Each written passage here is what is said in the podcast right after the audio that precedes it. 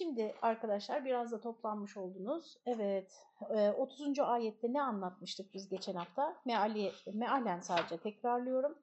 E, demişti ki Rabbimiz o küfredenler görmezler mi, görmediler mi ki semavatu arz bitişik idiler. Arz, gökler ve yer bitişiktiler.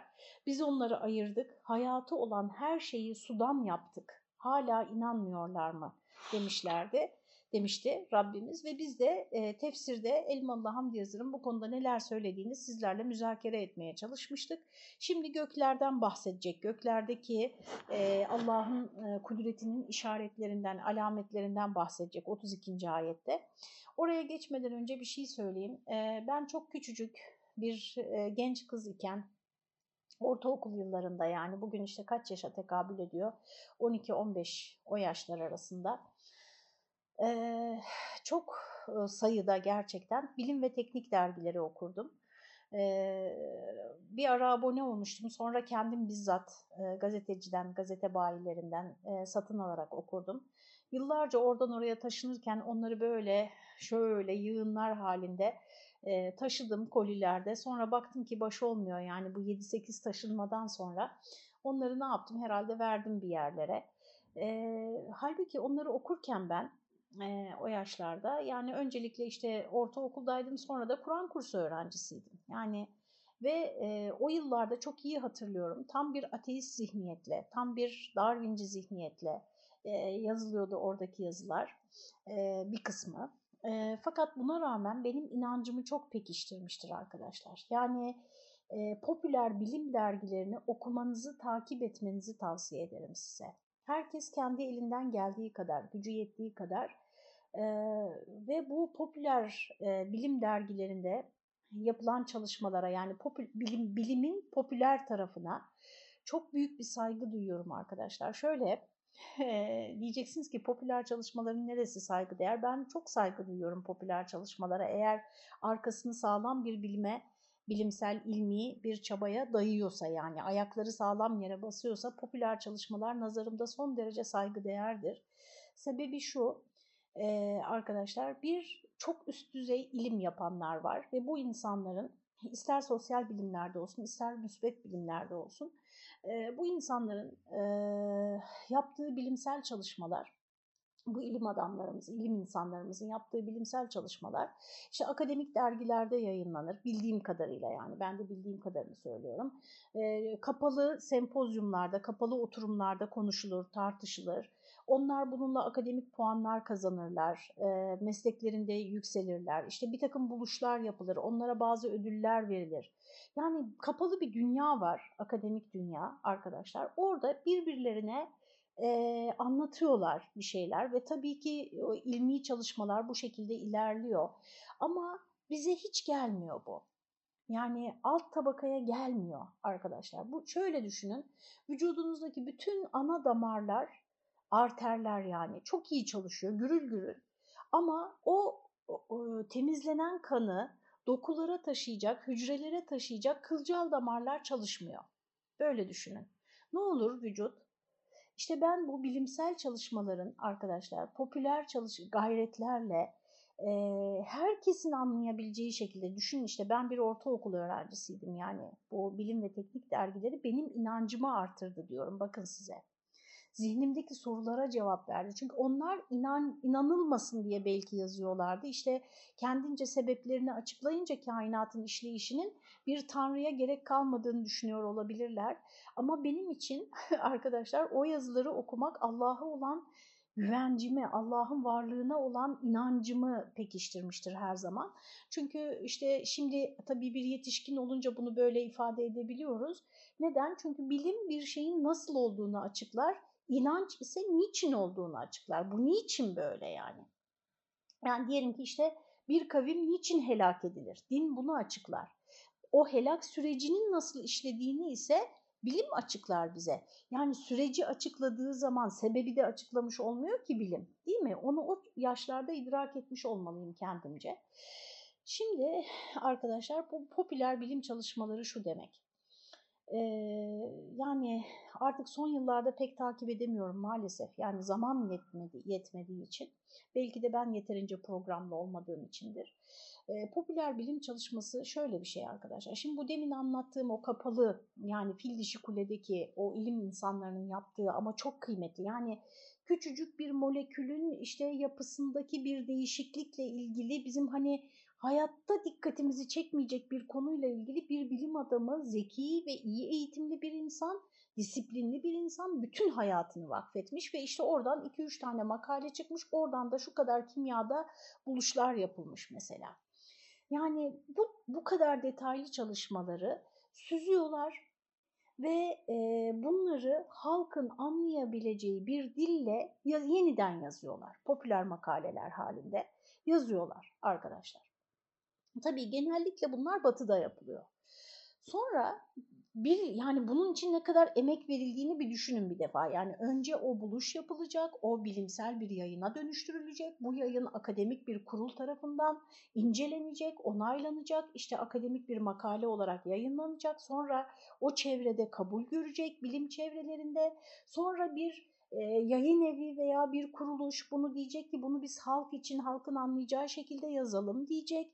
E, yeniden yazacak o, o makaleyi ve o bilimsel çalışmaları efendim yani yıllara 30 yıla 40 yıla dayanan bir çalışmayı cins kafaların böyle üzerinde emek verdiği bir çalışmayı size 4-5 sayfada özetleyen bir yazı yazacak.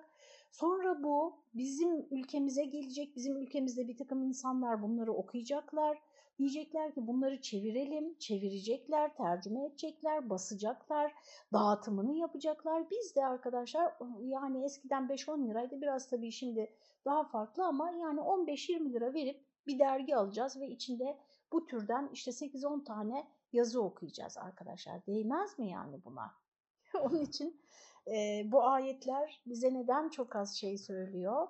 E, yeryüzünde Allah'ın işaretlerinden bahseden bu ayetler bize neden çok az şey söylüyor? Çünkü biz o ayetleri okuyabilecek alfabeden mahrum olduğumuz için arkadaşlar. Yani şöyle nasıl ki işte bir Japon alfa, alfabesi, bir Çin alfabesi bana hiçbir şey söylemiyor. Bir hieroglife baktığım zaman hiçbir şey söylemiyor. Yani e, o kadar uzağa da gitmeye gerek yok. Yunanistan'a gittim ben.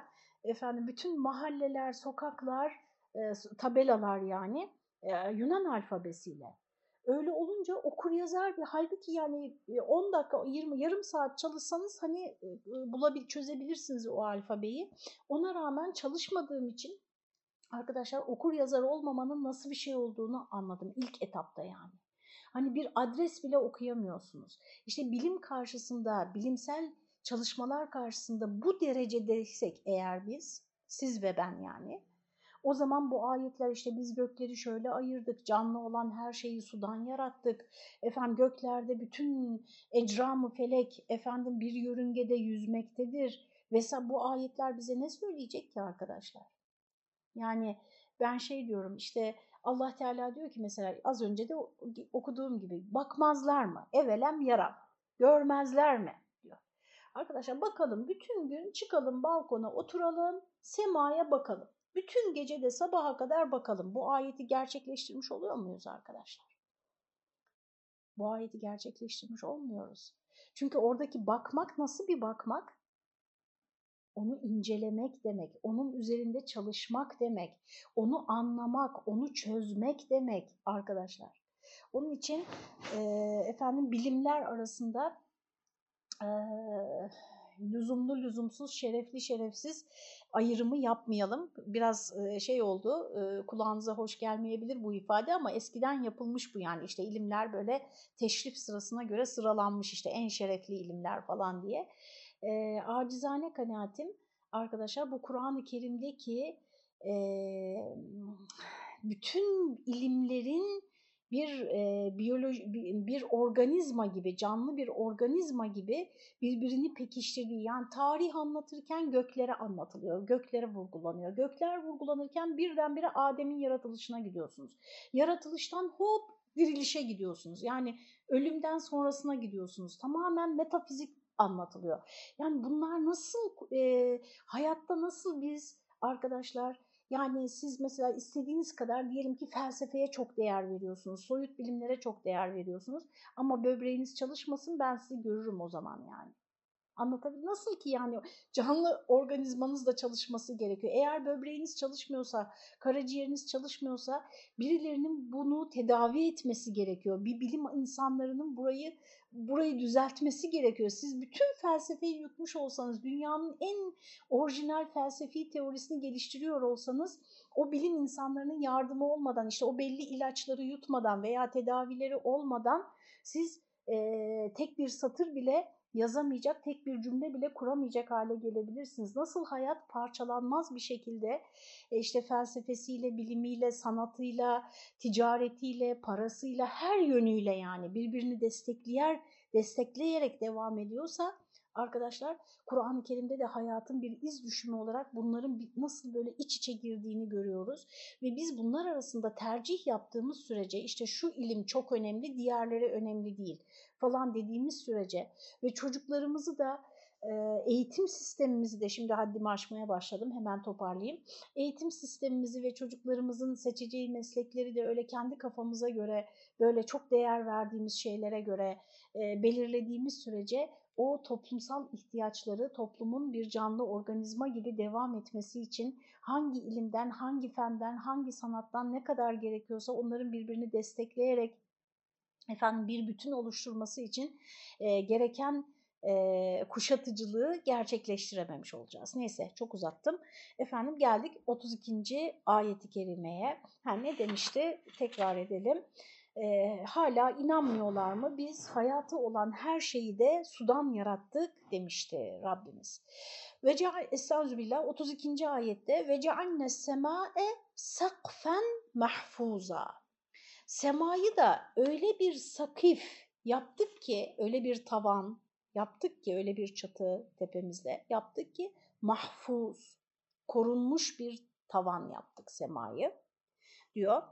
E, ve e, benzer şekilde Kur'an-ı Kerim'de Hicr suresinin 17. ayet kelimesinde de benzer bir ifade geçtiğini ve hafiznaha min kulli şeytanir racim gökten bahsederek biz onu semadan bahsederek yani her türlü kovulmuş şeytanın şerrinden, her türlü kovulmuş şeytandan onu muhafaza ettik ayet-i kerimesinin mantukunca yani o ayet-i kerimede değinildiği gibi şeytanların taarruzundan mahfuz. Yani bu mahfuz neyden mahfuz? Semayı korunmuş bir tavan yaptık. Neyden koruduk? semayı. İşte Kur'an'ın Kur'an'la tefsiri deniyor buna.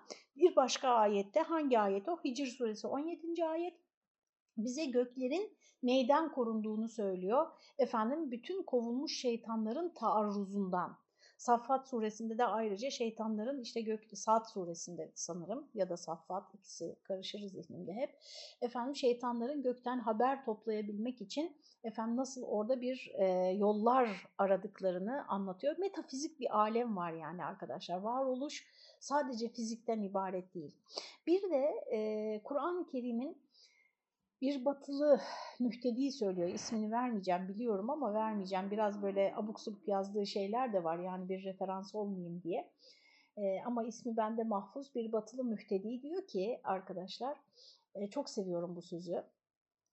Ee, diyor ki Tanrı diyor bin kadar hakikati on kadar kelimeyle anlatmak zorunda kalmıştır diyor. Yani Kur'an-ı Kerim'in ilahi kitapların daha doğrusu neden böyle girift, çok anlamlılığa müsait ve mesela bilhassa o zamirlerin mercileri vesaire ve bazı garip kelimelerle ve sembolik anlatımlarla hani bunu mu demek istedi, şunu mu demek istedi, burada ne anlatılıyor? Çünkü arkadaşlar bin kadar kelime, hakikati on kadar kelimeyle anlatmak zorunda kalmak ne demek? Şöyle düşünün, niçin Allah insanlara vahiy indiriyor? Arkadaşlar? Niçin indiriyor? Yani neden ilk andan itibaren, ilk insandan itibaren Cenab-ı Hak peygamberler gönderdi? E, acizane şöyle açıklıyorum ben bunu. E, çünkü arkadaşlar bu insan e, oğlunu yaşadığı kainatla beraber Cenab-ı Hak e, yok ettikten sonra tekrar diriltecek, huzuruna toplayacak ve ondan bir şeyleri bu hayatta gerçekleştirmiş olup olmadığının hesabını soracak. Ona göre onların hayatlarını değerlendirecek değil mi? Yani biz e, her şeyi imtihan etmek için yarattık diyor. Ölümü ve hayatı diyor Cenab-ı Hak. Birkaç yerde Kur'an-ı Kerim'de. Yani biz buraya imtihan edilmek üzere geldik. Peki Allah Teala bunu bize hiç bildirmeseydi arkadaşlar, hiç haberimiz olmasaydı böyle bir imtihandan, işte sadece soyut düşünebilen, ileriyi düşünebilen, aklı meat sahibi olan insanlar ya işte bu hayat böyle bitmiş olamaz yani toprak olamaz, olamayız yani hayvanlar gibi. Muhakkak biz bu hayatın bir devamı var falan diye böyle tahmini bir şekilde e, bulabilseydi kaç kişi bulabilirdi bunu? Hadi bulduk diyelim yani aklımızla düşündük ve bu hayat bu şekilde çok anlamsız bunun muhakkak bir arkası olması lazım ahiret olması lazım diye bulduk diyelim ki aklımızla. Peki bu ahirette biz hangi kriterlere göre değerlendireceğiz? Onu bulabilir miydik arkadaşlar? Dolayısıyla Allah Teala e, kanunsuz suç olmaz ilkesine binaen yani bir kimse bir kanunun yani önce birisini yakalıyorsunuz, sen şu suçu işledin diyorsunuz. Sonra da o davranışın suç olduğuna dair kanunu daha sonra çıkarıyorsunuz. Böyle bir şey olamaz. Önce kanunun olması lazım, sonra da o kanuna uymayanların suçlu kabul edilmesi lazım hukuken. Dolayısıyla işte aynı bu mantıkla Allah Teala doğruyu, yanlışı, nereye gittiğimizi yani bize bilgi veriyor arkadaşlar. Bir gemideyiz biz, dünya denen bir gemideyiz. Bu gemi bizim irademiz dışında belirlenmiş bir rotası var. Ve o limana indiğimizde bizden bu geminin içindeyken yapmamız gereken bazı davranışlara göre yerleştirilecek yerlerimiz var. Ve bize bu seyahat şirketi bize en baştan şeyler dağıtıyor, broşürler dağıtıyor. Diyor ki bakın bu gemide şu kurallara uymak durumundasınız, bu gemi şu limana gidiyor. O limana indiğinizde bu geminin içindeki davranışlarınıza göre sizi memleketlere yerleştireceğiz. Orada işte kiminiz çok çileli bir hayat olacak ona göre, kiminiz işte çok rahat edecek. Önceden bildirmesi lazım öyle değil mi? Vahiy bu sebeple gönderiliyor. Ee, efendim, dolayısıyla Allah Teala arkadaşlar e, bu vahyi gönderen Allah, bu bilgiyi yani metafizik alemden bizim bilmemiz gereken kadarını bize bildiriyor Allah Teala. Bildirecek fakat şöyle düşünün, Allah'ın ilmini düşünün. Yani düşünemiyoruz da hani bir hayal edin yani ne kadar olabilir Allah'ın ilmi. Fakat bunu bize anlatması gerekiyor. Biz dediğimiz kim? Demin anlattığım o üst düzey akademik ilmi heyet mi yani? Akademisyenler, ilim adamları, filozoflar falan mı? İnsanlığın çoğunluğu veya insanlığın tamamı. Arkadaşlar öyle bir vahiy indirmesi lazım ki buradan o en üst düzey ilim adamı da istifade etsin ama köprü altındaki okur yazar dahi olmayan bir insan da istifade etsin. Tarlasında koyunlarıyla uğraşan, 2-3 çiftiyle çubuğuyla uğraşan en basit hayatı yaşayan insan da istifade etsin. Aşağılayarak söylemiyorum, basit yaşamak zor bir şeydir. Efendim o da istifade etsin. İşte bir koca karı imanı dediğimiz e, hayatı yaşayan da istifade etsin. Bütün varoluşu sorgulayan bir insan da istifade etsin. Öyle bir metin, öyle bir cümle söylemesi gerekiyor. İşte onun için arkadaşlar e, metafizikten de yani fizik ötesi alemden de bizi bilgilendirmesi gerekiyor çünkü oraya doğru gidiyoruz. Yani ben onu kum saatinin öbür tarafı diyorum. Yani o delikten geçtik mi başka bir boyuta gidiyoruz biz. E, isteyenler, ilgilenenler Interstellar filmini izlesinler. E, çok boyutlu alemler var arkadaşlar. Gidiyoruz oraya ve orayı bize anlatması lazım ama oraya dair hiçbir kelimemiz yok. Neden kelimemiz yok? Çünkü insanların dili arkadaşlar gözlemledikleri aleme göre oluşmuş bir dil. Dolayısıyla şimdi işte bin kadar hakikati on kadar kelimeyle anlatmak zorunda. O yüzden mesela masallar çok geniş hakikatleri içerir. İşte bazılarına göre mitoloji, efsaneler, efendim e, ve vahiy tabii ki. Yani kıyaslanamaz da. Yani e, bir kıssa mesela bir hikaye e, o kadar çok boyutludur ki bir ilim adamının da çok dikkatini çeker, bir edebiyatçının da çok dikkatini çeker, bir tarihçinin de çok dikkatini çeker, bir vaizin de çok dikkatini çeker. İşte o anlattığım çiftçinin de çok dikkatini çeker. Herkese hitap etmesi lazım. Öyle bir metin olması lazım bu metnin. Onun için işte e, bu, bu metne bilimsel bir merakla bakanlar, geçen hafta söyledim biraz bilimsel tefsirin e, mahiyetinden biraz bahsettik size. Hem riskleri var ama hem de gerekli. Eğer ölçüyü koyabilirlerse kendilerine yani bu ayet şunu demek istiyor ama Allah doğrusunu daha iyi bilir. Bizim anladığımız bu kadar diyebilirlerse eğer bilimsel tefsire de bu açıdan çok ihtiyacımız var. Onlar baktıklarına ya göklerin şeytanlardan korunması ne demek ya falan buradaki şeytan şu olsa gerek diyebilirler ama gene de en sonunda ne demeliler? Buradaki şeytan gökleri şey, ve hafiznaha min kulli şeytanir racim dedi ya Hicr suresinde. Buradaki şeytan şudur deyip bırakırsa işte o zaman yanlış yapmış oluyor. Ne yapmış oluyor? Dünya düzdür diye tefsire yazan gibi olmuş oluyor. Biz bugünkü bilgimizle buradaki şeytanın şu anlamada gelebileceğini düşünüyoruz. Ama en doğrusunu Allah bilir demesi lazım. Yani bir bilimsel tefsirin e, bu yöntemle yap, e, yapması lazım. Siz de aman aman zaten biz var ya, ya ben kendim için söylüyorum. Sizi bilmem ben, sizi tanımıyorum bile çoğunuzu değil Nereden bileceğim bu kadar insanı? Şu anda beni kim dinliyor? Dolayısıyla biz zaten Allah'ın huzuruna hesap vermeye gittiğimizde arkadaşlar birbirimizi falan düşünmeyeceğiz. Bak onu da söyleyeyim size. Kur'an-ı Kerim'de birkaç yerde geçiyor. Diyeceğiz ki yani öyle bir paniğe kapılacağız ki eğer günahlarımız çok gelmişse. Diyeceğiz ki işte merak edenler baksınlar mesela Me'ariç suresinde var. Ya Rabbi diyeceğiz ne olur benim çocuklarımı, eşimi, anne babamı, kardeşlerimi, benim ailemi, akrabalarımı at benim yerime cehenneme. Beni atma. Böyle bir herkes kendi başının derdine düşecek. Dolayısıyla ben sizi düşündüğümden değil yani ama kendim için söylüyorum. Burayı anlıyorsunuz değil mi? Burada bir espri var. Aman alınmayın sonra mesaj mesaj üstüne gelmesin. Efendim kendim için söylüyorum. Biz zaten yani ben kendim için söylüyorum. Ne demek bizim yani Allah'ın sözünün üstüne söz söylememiz arkadaşlar? Veya Allah'ın sözü şu demek. Nasıl diyebiliriz ki biz böyle bir şeyi? Ben nasıl diyebilirim? Ben ancak arkadaşlar bir Elmalı Hamdi yazırı olsun işte.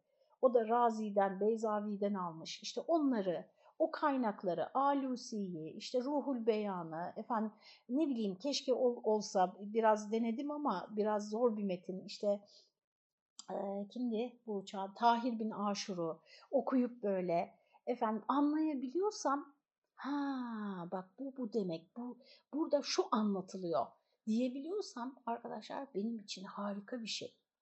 Dolayısıyla biz müfessir değiliz, müçtehit değiliz, haddimizi bilmemiz lazım. Kur'an'da bu demek istiyor, bu ayette bu demek istiyor deyip birisiyle biz tartışamayız. Ee, ancak ilim ehlinden istifade edebiliriz, anlamaya çalışabiliriz ve kendimiz için mesajlar günlük hayatımızda, ahlakımıza, ibadetimize, insanlığımıza, Müslümanlığımıza, insanlarla ilişkilerimize, ticarete, hayata, ölüme, hesaba, mizana, bakışımıza katkıda bulunacak, e, buradan imanımızı pekiştirecek, ahlakımızı güzelleştirecek neticeler çıkarabiliriz. İşte şeytanların taarruzundan mahfuz diyor o e, neyden korunmuş bu gök? Şeytanların taarruzundan veyahut vakti malumuna kadar hı, ikinci yorum ikinci yorum Vakti malumuna kadar, vakti malum ne? Bilinen vakit demek. Şimdi onun ne olduğunu göreceğiz. Fesat ve inhilalden mahfuz. Yani bozulma ve çöküş demek. Bir malum vakit var. O malum vakit ne zaman? Kıyamet işte. Kıyamete kadar onları yani mahfuza kelimesinin e, ayetteki biz orayı o gökleri korunmuş bir tavan yaptık diyor korunmuş neyden korunmuş? Ya işte Hicr suresine geçtiği gibi şeytanlardan korunmuş veyahut da bu da nerede geçiyor? Fatır suresi efendim 41. ayeti kerimeyi buna delil gösteriyor veyahut da efendim e, fesat ve inhilalden mahsus. Affedersiniz Fatır suresi 41. ayette innallâhe yumsikus semavati vel arda en tezula Allah gökleri ve yeri zail olmaktan, yok olup gitmekten korumaktadır, tutmaktadır.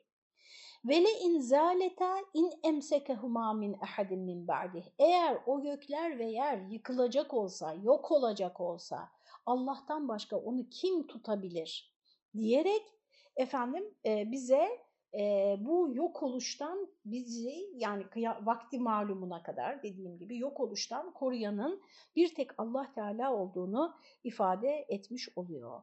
Onlar ise bunun ayetlerinden iraz etmektedirler. Yani yüz çevirmektedirler. 32. ayete bir bakalım. Ve hum an ayatiha mu'ridun ifadesiyle bitiyor. Tekrar okuyalım. Ve cealne sema'e sakfen mahfuza biz semayı korunmuş bir tavan kıldık. Yani bakmıyorlar mı? İşte biz e, göklerle yer bitişikti. 31'den başlayın şimdi çünkü bu bunun devamı. Gökler ve yer bitişikti. Biz onu nasıl ayırdık? İşte hayat sahibi her şeyi sudan yarattık. İman etmeyecekler mi? İşte biz orada dağlar yaptık. E, efendim o, affedersiniz evet. E, 30. ayette. Biz orada dağlar yaptık. 31. ayette en temide bihim ve cealna fiha ficacen subulen leallehum yettekun ovalar efendim e, yollar yaptık onlara efendim bunları görmüyorlar mı? Biz bu ayeti atladık galiba ya 31. ayeti. Evet. Onları sarsmasın diye, yeryüzü onları sarsmasın diye dağlar yarattık. Onu kısaca söylüyor zaten Elmalı Hamdi Yazır'da. Yeryüzünün omurgası gibidir diyor dağlar için. Efendim aynen şeye benzetiyorlar arkadaşlar. Ee, e, mağma tabakasının üzerinde yüzüyor ya yer küre. E, bunu şu, deprem zamanında e, anlatmıştı bir müteahhit. E, bina yapan bir arkadaşımızın ailesi öyle o işle meşguller. E, bu sulu zeminlere yani biraz risk taşıyan zeminlere bina yapacağınız zaman önce beton kazıklar e, çakmanız gerekiyormuş temeli atmadan önce. Yani önce beton kazıklar çakıyorsunuz sonra o kazıkların üstüne temeli atıyorsunuz. Anladığım kadarıyla kabaca söylüyorum. Onun üstüne bina yapıyorsunuz. İşte buna riayet edilerek yapılan binalarda, gevşek zeminlerde buna riayet edilerek yapılan binalarda deprem olsa bile e, bina çökmüyor. Buna riayet edilmediğinde çok kolay bir şekilde en ufak bir sarsıntıda bina çöküyor. Aynen onun gibi arkadaşlar dağlar da benim işte o, o yıllarda okuduğum bilim ve teknik dergilerinden hatırladığım bir bilgiyi size söylüyorum. Dağlar da yer kürenin üstünde ne kadar yükseklerse mesela 2000 metre, 4000 metreye kadar, 5000 metreye kadar dağlar var. O, o kadar yer altına doğru da yani iki taraflı bir koni gibi düşünün. Yer altına doğru mıh gibi çakılmış yani. İşte e, 31. ayette diyor ki bu elmalının ayet numaralandırması biraz e, garip de o bakımdan karıştırdım. 30. ayette o yaratılıştan bahsettikten sonra her şeyi sudan yarattık dedikten sonra 31. ayette ve cealna fil ardı ravasiye entemide bihim efendim onları sarsmasın diye, yeryüzü onları sarsmasın diye ağır baskılar yaptık. Yani semadan ayırdığımız ve üzerinde kendilerine sudan hayat verdiğimiz insanları arz, yerküre hareketiyle çalkalayıp muzdarip etmesin, sakin olacak yer bulsunlar diye arzda suya mukabil oturaklı kıtalar, sulp oturaklı diyor. Sulp oturaklı omurgaları derinliklere gömülmüş demek yani. Yer kürenin omurgası gibi düşünün. Hani bütün o bedeni nasıl tutuyor? Omurganız ve kaburgalarınız bütün o değerli o iç organlarınızı nasıl muhafaza ediyor? Nasıl omurganız sayesinde ayakta oluyorsunuz? Bir tane diskiniz kaysa yamuluyorsunuz hemen. İşte yer kürenin de o e, içindeki ve dışındaki bütün o varlıklarının korunmasını dağların sağladığını söylüyor. Dağ sıralarının özellikle sağladığını söylüyor. Bir düşünmeli ki diyor Elmalı arz mayi bir halde kalsaydı, akış, akışkan olsaydı ve arz hareket ettikçe insanlar çalkalanıp dursaydı ne büyük ızdırap olurdu. Hatta burada sadece jeoloji değil mesela fizik bilimin açısından da arkadaşlar çok çok cahiliyim bu konuların. Sadece bir e, projeksiyon tutmaya çalışıyorum. Yani buralara da bakın diye. E, mesela ben hep onu da düşünürüm. Diyelim saatte 70 kilometre, 90 kilometre hızla giden bir arabanın içindesiniz. Ne kadar sarsılıyorsunuz arkadaşlar.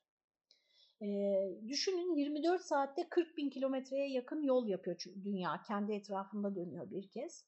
Bu neredeyse yaklaşık 2000 kilometreye yakın saatte hız yapan 1800 kilometre civarında hız yapan bir aracın üstündeydi, üstündeyiz biz arkadaşlar ve hiç hissetmiyoruz.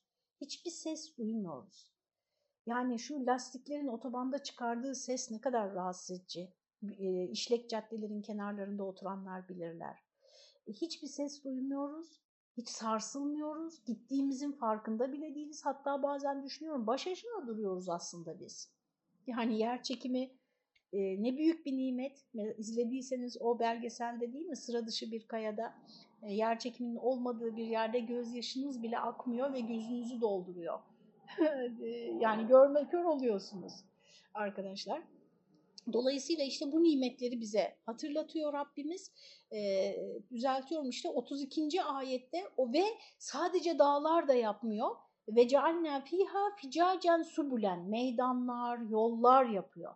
Bununla ilgili de merak edenler baksın şart değil. Tarihte 70 Büyük Yolculuk diye bir kitap var arkadaşlar. Fil tarihinde okumuştum bundan 10 sene kadar önce.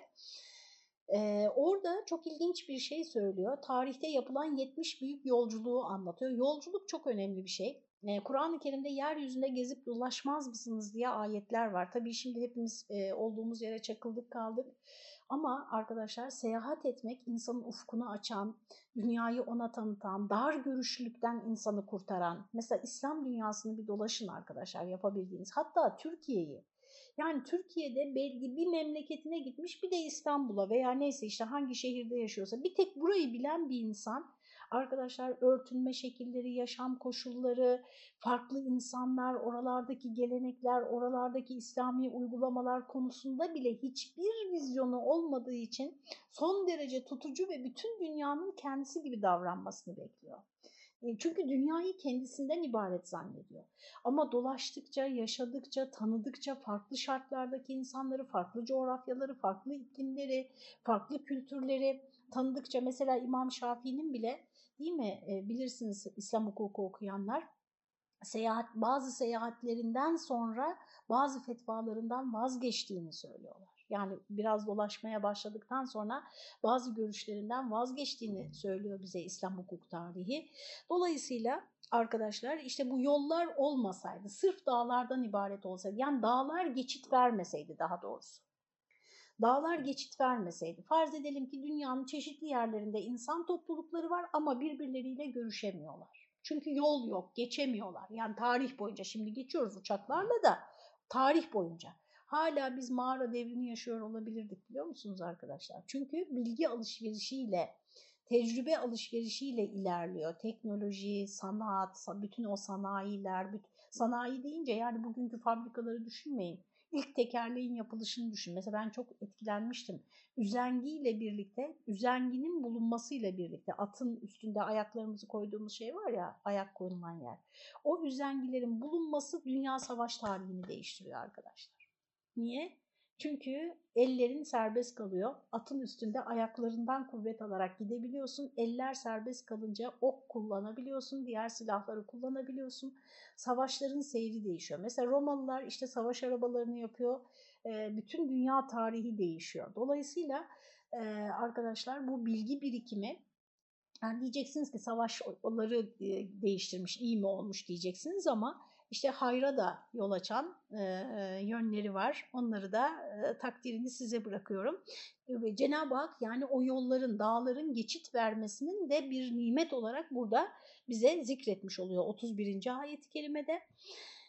Niçin yaptık bütün bunları? لَعَلَّهُمْ يَهْتَدُونَ Yollarını bulabilsinler, matluplarına doğru ilerle gidebilsinler veya hak yolunu tutsunlar. Yani buradaki yehtedun bildiğimiz dünyada yolunu bulabilmek anlamına geldiği gibi doğru yolu bulmak anlamına da gelebilir. Yani kelime anlamı da olabilir buradaki hidayet, terim anlamı da olabilir. İkisine de işaret ediyor Elmalı Hamdi Yazır. İşte sonra gökleri bir tavan yaptık ifadesine geliyor. Bunu da işte korunmuş bir tavanın ne demek olduğunu söylüyor ama bütün bunlara rağmen diyor 32. ayetin sonunda metne bakınca anlaştık e, bir ayet atladığımı. Bütün bunlara rağmen vehum an ayatiha mu'ridun. Allah'ın ayetlerinden yüz çevirip gidiyorlar. Yüz çevirip dönüp gidiyorlar. Yani bunu görmüyorlar mı? Göklerin nasıl olduğunu, yaratılmış insanların, canlıların nasıl yaratıldığını, bu dağların yeryüzünü nasıl tuttuğunu, işte bu yollar olmasaydı bu nasıl olurdu? Yolculuk olmasaydı, insanlar birbiriyle görüşemeseydi nasıl olurdu? Bunu, demek ki arkadaşlar burada işte bütün bu çok sıradan zannettiğimiz hayat olayları. Çünkü gök hep tepemizde, hep bakıyoruz değil mi göğe? E, bütün yaratılışı her gün görüyoruz. Tavuktan, yumurtadan tavuk çıkıyor. İşte görüyoruz. Kurbağalar var etrafımızda. Görüyoruz. Kendi çocuklarımız oluyor. Görüyoruz. Yani yaratılışa da devamlı şahit oluyoruz. Gökler de başımızın üstünde. Dağlar da gözümüzün önünde. Yolların da üzerinde yürüyoruz. Ama bunlar bize Allah'ın varlığını hani Allah hatırlatmasa söylemiyor. Daha büyük bir olay bekliyoruz. Kendimize özel bize özel bir mesaj gelmesini bekliyoruz. Bize özel bir adeta ona da işaret eden bir ayet-i vardır. İşte onlar kendilerine özel kitap mı bekliyorlar diye. Halbuki arkadaşlar mucizeler de böyledir. Bizim sıradan zannettiğimiz, her gün içinde yaşadığımız, size söyledim ya geçen de, bir sanat eserinin içinde yaşıyoruz. Bir mucizenin içinde yaşıyoruz biz arkadaşlar. Ama işte ol mahiler ki derya içredir, deryayı bilmezler diyor ya şair o, o balıklar ki deryadadırlar, deryanın ne olduğunu bilmezler. Ne zaman anlar deryayı? Sudan çıktığı zaman. Hani sudan çıkmış balığa dönmüş deriz mesela birisi için. Efendim hani böyle şaşkın birisi için. Evet işte biz de bu mucizenin içinde yaşadığımız için, kendimiz bizzat mucize olduğumuz için, yani bizim varoluşumuz bir mucize, bizim hayatımızın devam etmesi bir mucize. Mesela göğün korunmuş bir tavan olması, e, sıra dışı bir kayanın sadece birinci bölümünü izledim ben arkadaşlar. Orada ne gördük? Ne gördük? Sudan ne zaman çıktı ilk canlılar? Arkadaşlar şimdi o belgesel bile bu, bunu bize söylüyor. Göğün korunmuş bir tavan olmasını arkadaşlar. Yani Allahu alem tabi Cenab-ı Hak onu mu kastediyor bilmiyoruz. Ama ben şimdi birleştiriyorum yani o belgeselde izlediklerimle burada anlatılanları. Ne demişti? İlk oksijen üretilmeye başladığında canlılar nefes alıp verdikçe bitkiler oksijen açığa çıkmaya başladığında o oksijen ozon tabakasını oluşturuyor. Ozon tabakası oluştuktan sonra canlılar sudan karaya çıkmaya başlıyorlar. Çünkü ondan önce çok öldürücü. Güneşin ışıkları çok öldürücü ondan önce. O yüzden suda başlıyor hayat mesela orada da. Dolayısıyla arkadaşlar tabii e, keşke bu ayetleri bir biyologdan iman etmiş, bu ayetleri de bilen, işte biyolojiyi de bilen, e, jeolojiyi de bilen bir e, ilim adamından dinlemiş olsaydınız ama kısmet. Şu anda buradasınız ve benden dinliyorsunuz. Aklınızın bir tarafına yazın. Öyle bir fırsat bulursanız kaçırmayın, değerlendirin. Semada Allah'ın kudret-i vahdaniyetine delalet etmekte bulunan bunca delillerin delaletlerinden yüz çevirip gidiyorlar arkadaşlar. Yani şey gibi halimiz. Hani hikaye bunlar muhtemelen.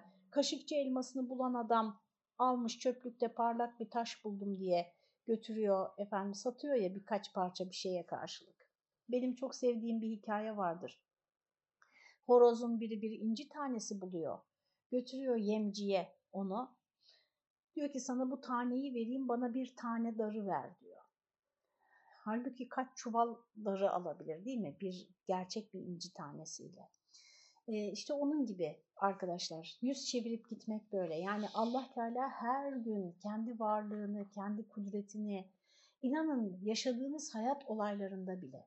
Mesela şu anda diyelim bugün bugünlerde sevindiğiniz bir haber aldınız. Sevindiğiniz bir şey oldu. Onu geriye doğru iz sürün. Ben bazen öyle yapıyorum. Geriye doğru iz sürün. Yani bu nasıl oldu? İşte şu şekilde oldu. Peki o nasıl oldu? Şu şekilde. Yani geriye doğru iz sürdüğünüzde arkadaşlar bütün kainat olaylarının bütün kainat olaylarının sizin için bir şeyi hazırladığını görüyorsunuz. Sizin o seveceğiniz, memnun olacağınız şeyi hazırlamak için bütün kainat olaylarının çalıştığını, birbirinden alakasız yüzlerce gibi görünen, size alakasız gibi görünen yüzlerce faktörün bir araya geldiğini, o işin olabilmesi için arkadaşlar. E, tabii tersi de mümkün. Ben şimdi bazen olmasını çok istediğim ama olmayan bir şey olunca geçmişten beri hayatımda şöyle düşünüyorum. Tabii bir, bir dönem çok üzülüyorsun. Gençlik yıllarında daha çok üzülüyor insan. Çünkü her şeyi oldurmak istiyorsunuz. Bir şey var içinizde, hayat enerjisi var. Biraz da tecrübe azlığı var.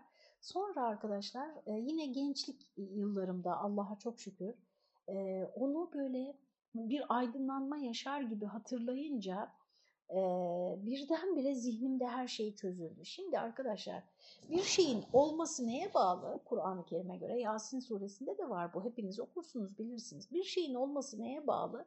Cenab-ı Hakk'ın kün demesine bağlı. Cenab-ı Hak kün diyecek ki yani ol. Ol diyecek ki feyekun o olacak. Kun feyekun bu demek. Ol der olur. Peki uğraşıyorsun olmuyor. Bana bu konuda soru sormayın lütfen. Biraz kader inancı da işin içine giriyor da. Uğraşıyorsun, uğraşıyorsun, bütün çabanı sarf ediyorsun ama olmuyor. Arkadaşlar ne yapman lazım? Ol demiyor. Ne yapacaksın? İşte buna rıza mertebesi deniyor arkadaşlar. Olmayanla da barışık olacaksın. Peki ama olmadı benim istediğim yani. Tamam başka kapıya gideceksin. Yani başka bir yola gireceksin. Bu yol çıkmaz. Bu yol kapalı.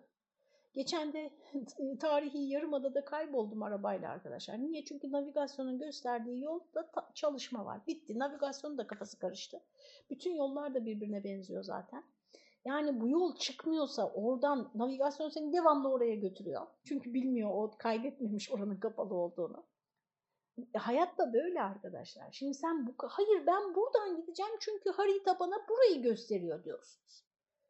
Aynen o navigasyonun yaptığı hatayı yapıyorsunuz. Makine gibi hareket ediyorsunuz. Hayır makine gibi hareket etmeyeceksiniz.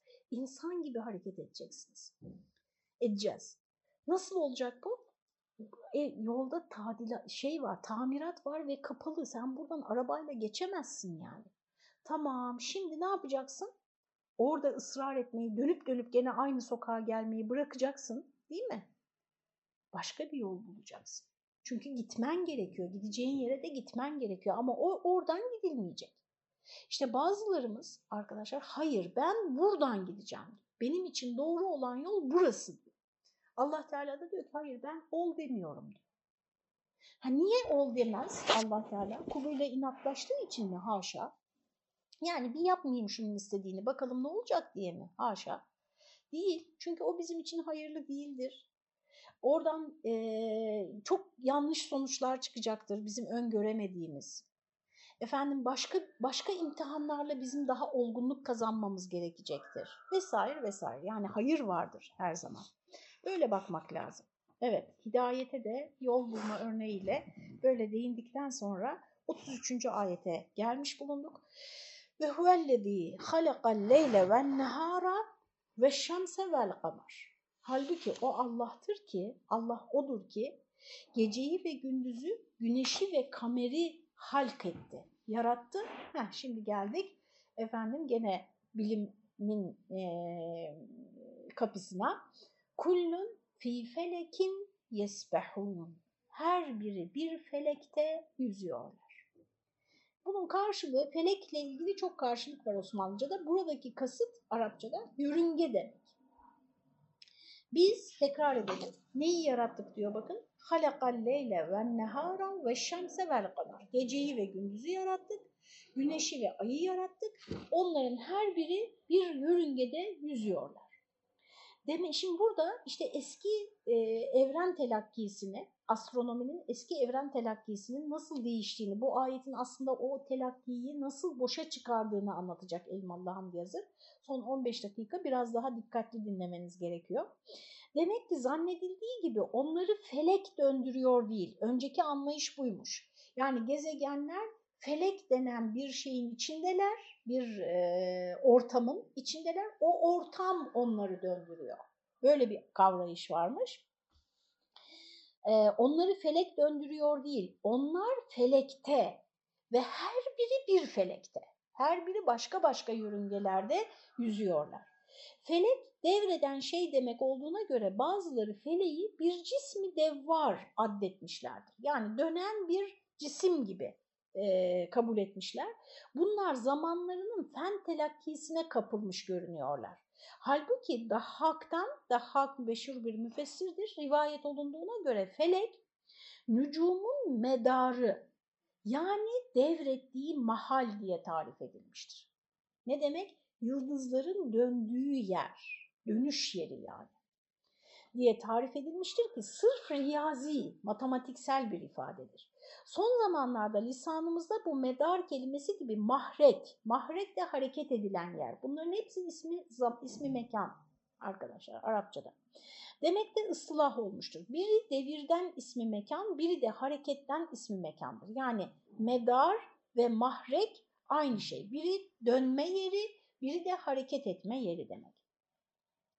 Ayette yalnız şemsu kamer yani gök cisimlerinden sadece güneş ve ay mezkur olduğu halde haberde tesniye getirilmeyip kullun fi felekin yesbehani demesi gerekirdi. O ikisi e, kendi yörüngelerinde yüzüyorlar demesi gerekirdi. Hani öyle bekleniyor. Çünkü iki tane gök cisminden bahsedildi en başta.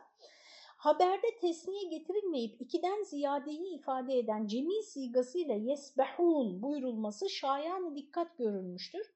Burada müfessirin birkaç vecih söylemiştir. Birkaç açıklamalı yapmışlar, e, yorum yapmışlar. Birisi ve şemsu vel kameru ve nucumu takdirinde olması.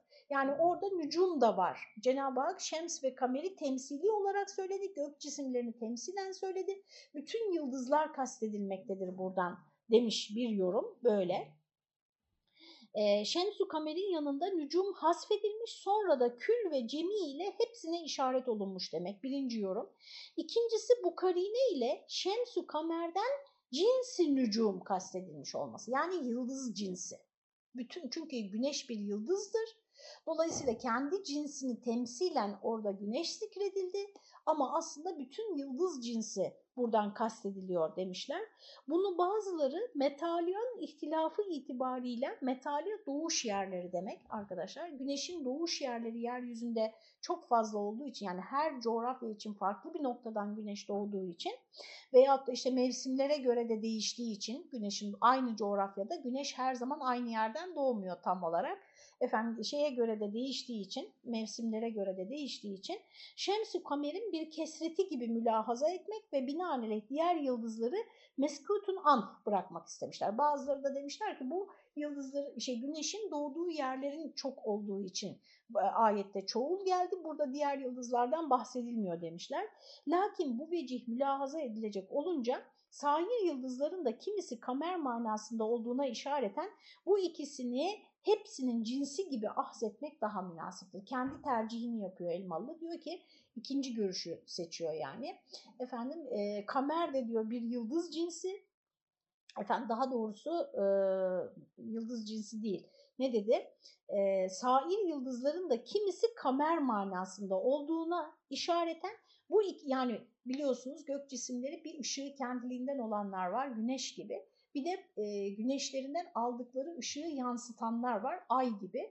İşte bu ikisi bütün bu gök cisimlerini temsilen efendim burada zikredilmiştir demek daha münasip. Çünkü arkasından her biri bir yörüngede yüzmektedir diye çoğul bir cümle geldi.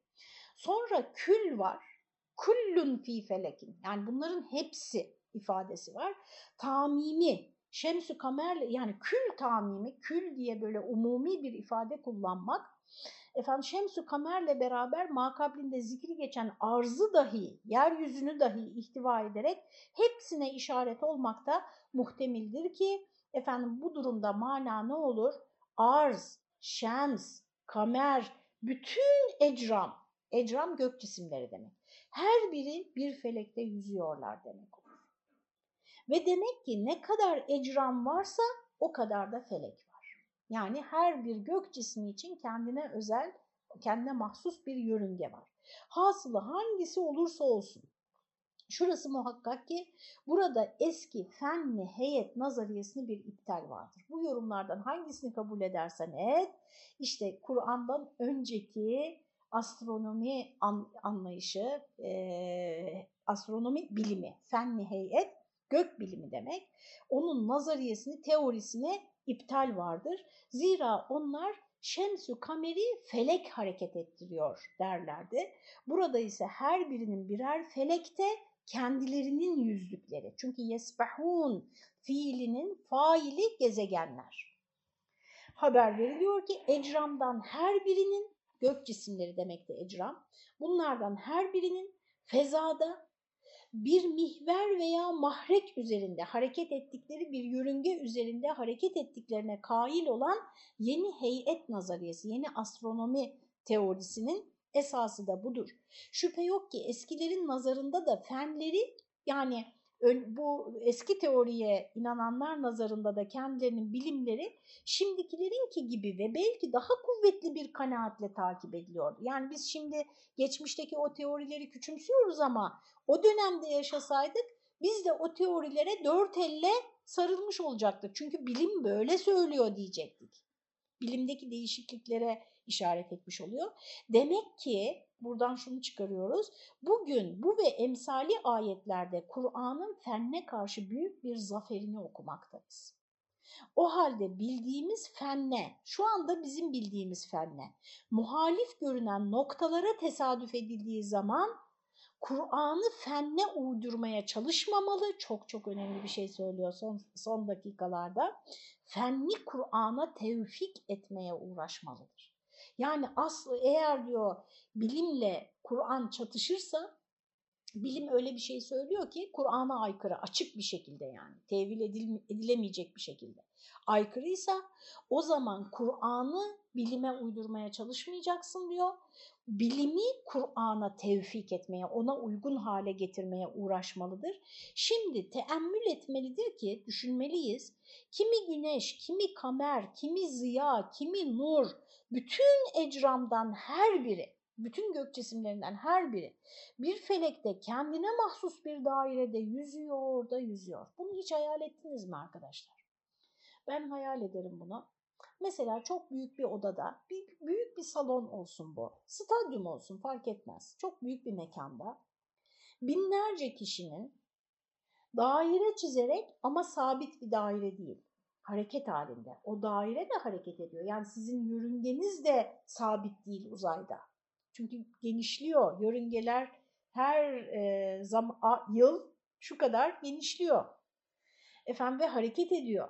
Bütün irili ufaklı çocuk, çoluk, çocuk, işte binlerce insan daire çizerek hareket ediyor ama sabit bir daire değil. Devamlı yeri değişen daireler çiziyorlar ve hiç biri ötekine hiçbir zaman çarpmıyor nasıl bir e, senkronizasyon gerekir arkadaşlar? Bütün bu dönem hareket eden ki bunlar insan arkadaşlar. O nasıl hesaplayacak? Hem de çarpmayayım diye yörüngesini de değiştiremez. Yani bu sefer biraz daha elips yapalım, bu sefer bir yamuk çizelim, çarpmayalım insanlara. Böyle de yapamazsın. Yani çizilmiş olan bir şey olacak. Hani aynı hareketi yapacaksın ama değişen yerlerde ve herkes de yapacak ama hiçbiri ötekine çarpmayacak. Aklınız alıyor mu bunu arkadaşlar? Ve bunun kendi kendine olmasın. Neyse çok basit şeylere dönüşmesin. Muhteşem, muazzam bir manzaradır benim nazarımda bu. Yani gözünüzü kapatın ve hayal edin. Hiçbiri sakin değil, hepsi birer hareketi devriyede, bir tutarı yok. Yani hepsinin böyle yapıştığı bir yer yok, bir direk yok, bir yöneten yok. Yani bir, bir e, bağla, iple bir yere bağlı değil, herhangi bir bağı yok. Hepsi muallakta, boşluktalar. Boşlukta değil tabii o da, yani görünürde boşluk. Hepsi yolunda, hepsi nizamında, hepsi mahfuz, korunmuş bir şekilde yüzüyorlar da yüzüyorlar. Bu ne bedi'i sanat, ne büyük kudret ve ne yüksek ayetlerdir. Arkadaşlar yaprakların sararmasında bile. Yani nasıl aşama aşama hiç gözü rahatsız eden bir şey yok arkadaşlar. Ya bu sene de böyle bir parlak sarıyla sarardılar falan demiyoruz eğer kimyasal bir müdahale olmamışsa. Böyle damar damar damar damar açıla açıla efendim ve her aşamasında ayrı güzel yani. Yeşilken ayrı güzel, ilk çıkarken ayrı güzel, sararmaya başladığında, kızardığında, döküldüğünde her aşamasında yani. Bunların hepsinden Allah'ın azamet ve vahdaniyeti okunur. Lakin kafirler bunları görseler dahi delaletlerinden iraz ederler de şuna buna isnat etmeye kalkışırlar. Zerrece yani işte şundan dolayı oluyor derler. Yani o oluşun arkadaşlar nasıl olduğunu açıkladıklarında niçin olduğunu da açıkladıklarını zannederler. Ama şunu da unutmayalım arkadaşlar. Burada zaten bitiremeyeceğiz bölümü. Hiç olmazsa şuna temas etmiş olayım. Acele etmeyeyim. Arkadaşlar biz de yani dinle çok uğraşanlar, hani din ilimleriyle hayatını ona vakfedip meşgul olanlar bir şeyin niçin olduğunu bildiğimizde ve ne olması gerektiğini bildiğimizde nasıl olduğunun bir önemi yok zannediyoruz. Acizane kanaatim biz de burada çok yanılıyoruz arkadaşlar. Mesela meslek içinde yaptığımız bir takım toplantılarda işte diyoruz ki örnek vereyim yani bir tane örnek vereyim. Ee, bir vaaz nasıl olmalı? İşte diyoruz ki bir vaaz hem dini kaynaklara dayanmalı, dini açıdan doğru olmalı, hem muhatabın dikkatini çekecek şekilde ona hitap etmeli, hem çağının bilgisine de hani e, dikkate almalı. Onu da dikkat. Peki bir vaiz bunu nasıl yapacak arkadaşlar? Onunla ilgili hiçbir şey söylemiyoruz. Veya işte diğer şeyleri düşünelim. Mesela işte çocuklarımıza ne diyoruz? İşte başarılı olmalısın. Niçin? Şunun için. Okulda şöyle başarılı olmalısın, şunun için. Tamam da nasıl olacak başarılı? Hangi yöntemle çalışırsa başarılı olur? Ee, ne yaparsa yanlış yapmış olur. Yani yolun yolu nasıl gideceğiz? Biz de burayı çalışmıyoruz arkadaşlar. Eğri oturup doğru konuşalım. Biz nereye gitmemiz gerektiğini biliyoruz. Niçin gitmemiz gerektiğini de biliyoruz ama yolu nasıl gideceğiz bunu bilmiyoruz. İman ciheti eksik olanlar nasıl, her şeyin nasıl olduğunu çok iyi biliyorlar ama bu yol nereye gidiyor onlar da onu bilmiyorlar. Yani yolda nasıl gidilir, nasıl gidersek çok verimli olur, işte en az e, çabayla en çok yolu nasıl gideriz, onlar da işin o cihetini yani metot, yöntem işte onu çok iyi araş, bilim o demek zaten.